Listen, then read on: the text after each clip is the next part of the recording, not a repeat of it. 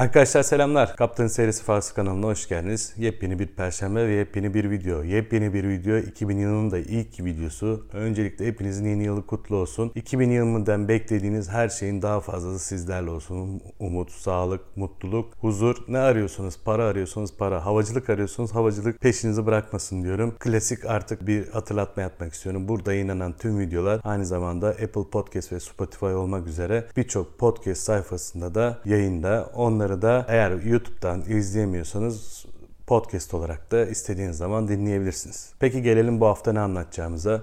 Aslında bu kısa kısa çektiğim videolarda da son videoda da bahsettiğim gibi tek konu olmayacak. Eğer herhangi bir nedenden pilotluk mesleğini bırakırsanız şirket sizi görevlendirmiyor sorusunun cevabını vermeye çalıştım. Burada biraz daha pilotların kariyeri nasıl ilerliyor onları anlatmaya çalışacağım. Pilot olmak isteyenler için bence ilginç ve önemli bir video olabileceğini düşünüyorum. Şimdi nasıl oluyor? Uçuş okunu bitirdiniz. Uçuş okundan sonra herhangi bir şirkete ikinci pilot olarak giriyorsunuz. İkinci pilot olarak uçmaya başlıyorsunuz. Yanınızda her zaman bir kaptan oluyor. Her şirketin tabii ki farklı şartları var. Bildiğim kadarıyla şu anda özel şirketlerde 3000-3500 saat civarında uçtuktan sonra kaptan olabiliyorsunuz. Türk Havaları şu anda bu saati 4500 olarak belirlemiş durumda. Uçuş okulunu bitirdiniz. Sonra bir şirkete girdiniz. Şirketin belirlediği uçuş saatini doldurduğunuzda o şirketin kaptanlık adayı oluyorsunuz ve o şirketin belirlediği işte sınavlardan, testlerden, mülakatlardan vesaire geçmeniz gerekiyor. Ondan sonra da eğitime başlıyorsunuz. Eğitimi tamamlayıp bu eğitimde de neler oluyor? Yine yer dersi alıyorsunuz. Uçakla ilgili eğitimler alıyorsunuz. Tabii ki sağ koltuktan sol koltuğa geçiyorsunuz. Bununla ilgili eğitimler alıyorsunuz. Sağdan sola geçmek çok kolay gibi gözükse de kokpit içindeki tüm görsel alanlarınız değişiyor. Önünüzdeki alan açılarından uçağın tamamen yaklaşma açıları vesaire çok farklı deneyimler katıyor size. Çok farklı hissiyatlar kattığı için sağdan sola geçmek bile ona alışmak bile uzun zaman alabiliyor. Simülatör uçtunuz, yer dersi aldınız, simülatör uçtunuz. Ondan sonra da LIFUS denilen yanınızda öğretmenle yapacağınız uçuşlara geçiyorsunuz. Onları da tamamladığınızda LIFUS kontrolü var sonunda ve bu uçuşların sonunda eğer başarılı olursanız artık klasikleşmiş bir gelenek var. Sizin kontrolünüze gelen öğretmen ve yanınızdaki oturan pilot omuzlarınıza dört sırmayı takıyor ve o günden itibaren şirketiniz tarafından kaptan pilot olarak uçmaya başlıyorsunuz. Aslında bir pilotun kariyeri bu kadar. Yani çok böyle diğer meslekler kadar işte yükseleceğim, edeceğim vesaire yapabileceğiniz bir meslek değil. Yani daha doğrusu şöyle söyleyeyim. Uçağın içinde yapabileceğiniz en büyük kariyer kaptan olmak. Onun dışında yapabileceğiniz aslında kariyerlerin tamamı ek görev olarak geçiyor. Nedir bunlar? Mesela hep sürekli anlatıyorum eğitimlerde öğretmen var vesaire. Öğretmen olabiliyorsunuz. Nasıl oluyorsunuz? Tabii ki öğretmenler genelde kaptanların arasından seçiliyor. Kaptan oluyorsunuz. Belli bir yıl, belli bir uçuş saati tecrübesi ne sahip olduktan sonra şirketin ihtiyacı olduğunda şirket içinde bir yayın açıyor. Öğretmen olmak isteyenler başvursun.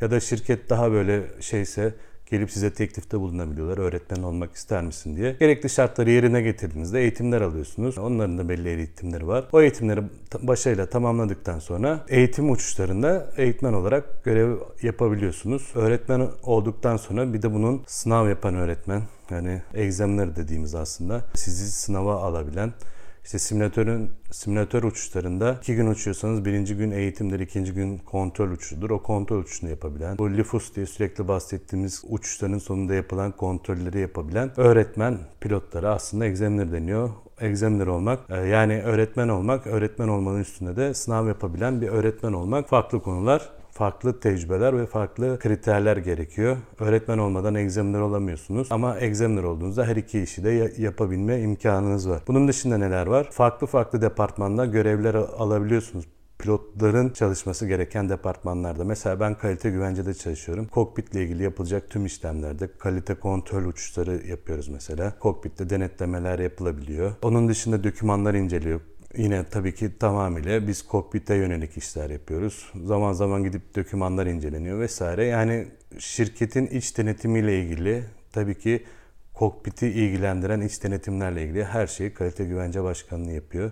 Diğer şirketlerde de buna benzer müdürlükler, başkanlıklar var. O tür şeylerde görev alabiliyorsunuz. Mesela Fly Safety, uçuş emniyeti ile ilgili bir departman var. Orada da bir sürü pilotlar çalışıyor. Bu tür farklı farklı departmanlarda çalışabiliyorsunuz. Aslında bunlar size neyi katıyor? Bunlar size biraz da B planı katabiliyor. Çünkü Allah korusun sağlıktan vesaire bir nedenden meslek yapamaz durumuna gelirseniz bu B planlarıyla işte aldığınız o eğitimler, sertifikalar vesaire size bir şekilde çalıştığınız şirkette ya da çalıştığınız şirkette olmasa bile farklı hava yollarında iş bulma, iş yapma imkanı sağlayabiliyor. Bu arada öğretmen demişken sadece uçuşlarda da öğretmen değil, bahsettiğim bu yer derslerinde dersleri anlatan tabii ki öğretmenler var. Bunların bir kısmı pilotlar arasından seçiliyor. Bu tür kariyer seçenekleri de yapabilirsiniz. Bu bahsettiğim kariyerlerin birçoğunda tabii ki tecrübe istiyor. Belli bir uçuş saati istiyor. Belli bir havacılık bilgisi istediği için genellikle departmanlarda kaptan olduktan sonra başvurabiliyorsunuz ama mesela yer dersinde ikinci pilot olarak da yer dersi hoca, hocalığı yapabiliyorsun. Mesela çoğunuz bilirsiniz ben Pegasus'taydım orada. Yaklaşık bir sene boyunca yer dersi öğretmenliği yaptım. Bununla ilgili eğitim aldık. Bununla ilgili derslere girdik. Oradaki eğitimleri de başarılı geçtikten sonra son bir yıl boyunca e, orada da yer derslerine girmiştim. Yer dersi hocalığı ayrı, uçuş hocalığı ayrı tabii ki. Sadece ben yer derslerinde görev alıyordum. Tabii bu bahsettiğim departmanların dışında da şu anda aklıma gelmeyen birçok departman olabilir. Buradan yükselebilip he, mesela bir şirkette nereye kadar kadar gelebilirsiniz? Bir şirkette bir pilot olarak alabileceğiniz en büyük şey uçuş işletme başkanı yani uçuşların kokpit personelinin bağlı olduğu uçuş işletme başkanlığı var. Onun üstünde de genel müdür yardımcılığı var. Yine orada da genellikle şirketten şirkete değişse de birçok şirkette pilot bulunuyor. Yani aslında yönetim kuruluna kadar çıkabileceğiniz bir kariyer var eğer ek görev yapmayı düşünüyorsanız ama burada tabii işte ben sadece uçuş yapabilirim diyebilirsiniz ya da kendinize bir B planı ya da farklı alanlarda kendinizi geliştirmek istiyor olabilirsiniz. Ee, benim yaptığım işte mesela dokümanlarla ilgili fazlaca haşin neşin oluyorsunuz. Bu da size bilgi birikim anlamında çok ciddi şeyler katıyor. Ben öyle bir yol seçtim. Seçmek zorunda değilsiniz. Kimse sizi zorlamıyor. Tavsiye eder miyim etmez miyim? Bu tamamen size kalmış bir şey. Ee, ama kariyer olarak bahsettiğim gibi kokpitte olabileceğiniz en yüksek mertebe aslında kaptanlık. Kaptan olduktan sonra eğer uç, uçtuğunuz şirkette üst tipler varsa, büyük uçaklar varsa, işte Atlas'ta da var 330, Türk Hava var 2-3 tane uçak tipi. Onların yukarıya büyük tipe geçmek kariyer planlaması olabiliyor. Onun dışında herhangi bir kariyer planlamanız olmuyor. En son kapatmadan şunu da anlatayım.